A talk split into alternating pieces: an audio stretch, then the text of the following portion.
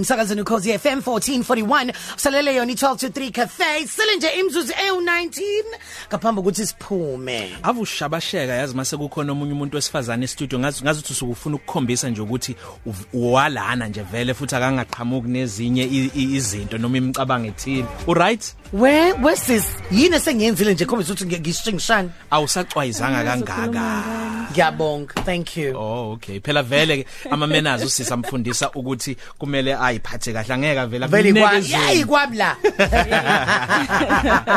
usise sikhuluma ngayo uValencia Mthembu uqhamuka kwa KZN Film Commission. Yes isikhuluma oh yebo usushila igama lakhe sekisho igama lakhe. Namhlanje ke sizokhuluma ngani na? Sizokhuluma eh, nge disability awareness in film and television event disab uh, uh, television event disability. Tole tolika Valencia. Okay so um sifuna ukukhuluma basically about um e event that is will be hosted by KZN Film Commission mm -hmm. uh, next week that is called the Disability Awareness uh event in for film and television.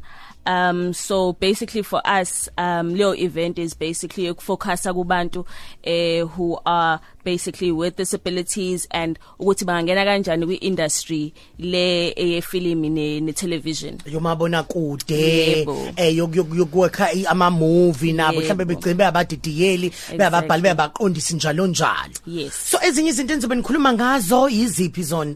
So um as iKZN Film Commission uh si create i i ngathini si formulate i policy mm -hmm. uh that will basically ibuka in terms of what thina as iKZN Film Commission esidinga ukushintsha in the industry at least lana eKZN qala before sicabange ukuthi siye into South Africa as a whole yeah. mm. so basically sizobe sikhuluma ngayo si unpack leyo policy yethu ukuthi okay as iKZN Film Commission thina sithini ngokuthi sisiza kanjani abantu who are exactly yeah. so um basically that's what the event is about and then nike sobe sikhona eh sonke nabanye abantu ke that are in the industry bezobe bekhuluma ngokuthi bona bathi from their side yini abazoyenza bona from now on mm. Ezo ezo assist abantu who are well basically with disabilities mm. and kuba kube khona eh, lo mcimbi walolu hlobo bekuvele yini kuzwakala yini emphakathini mhlawumbe abantu abaphila nokukhubazeka ukuthi bazizwa sengazi ukuthi abanakiwe bavaleliwe yini mm-hmm. ezintweni zomabona kude ngokwemsebenzi mhm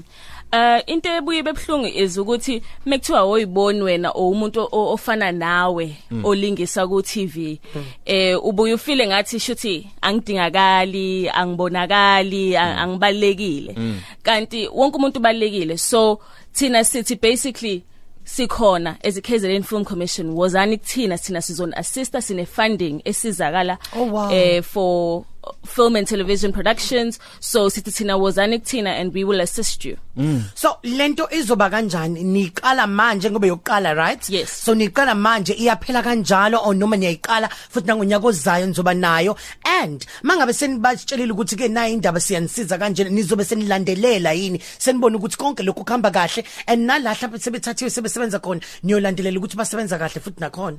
Okay so um every year there is a disability awareness month um mm -hmm. in the world actually yeah. uh, iqala ngomhla 3 November iphela ngomhla 3 December yes. so thina as much as i event yethu i outside of that month but thina basically we still doing that event. And eyokuqala this year and soqhubeka next year. Mm. and for us it's not about ukuthi si implement izinto just because it's in that period. Tina this is what we we basically live by. This is what Tina as a KZN Film Commission esi esi encourage ukuthi mm. noma ubani engeza uzothola funding kuthina.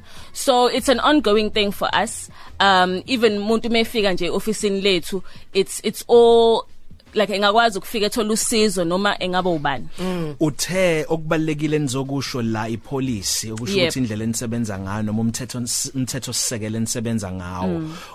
Ungathola ukuthi kunomunye umuntu mhlambe odlala ndimo ndima thizeni kwezamafilimu noma kwezikamabona kude nimema umuntu ophila nokukhubazeka yedwa na noma naye loyo? Niyamema ukuthi azofundiseka ekutheni ngoba sibheke kuna ku vision 2030 kahulumeni naye ebeqala eyishintsha kanjalo. Niyamema naye omunye umuntu onjalo? Simema wonke umuntu. Wonke umuntu. Wonke umuntu. Sizobe sidlala ngisho ifilimu ezobe i bathi ene it's a trans script is transcribed or or dis, audio described uh -huh. actually um ezobe ukwazi nje nawe umuntu ongana ongaphili nokukhubazeka. ukwazi ukuyibuka nomuntu ophila nokukhubazeka kwazi futhi nawe ukuthi ku understand enjoy njengawe.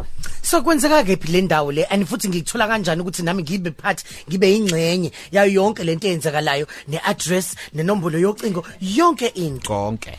Okay so izobe yenzeka ema officeini ethu eh eKZN Film Commission offices eh sitholakala eMusgrave 115 Musgrave Center Office Towers.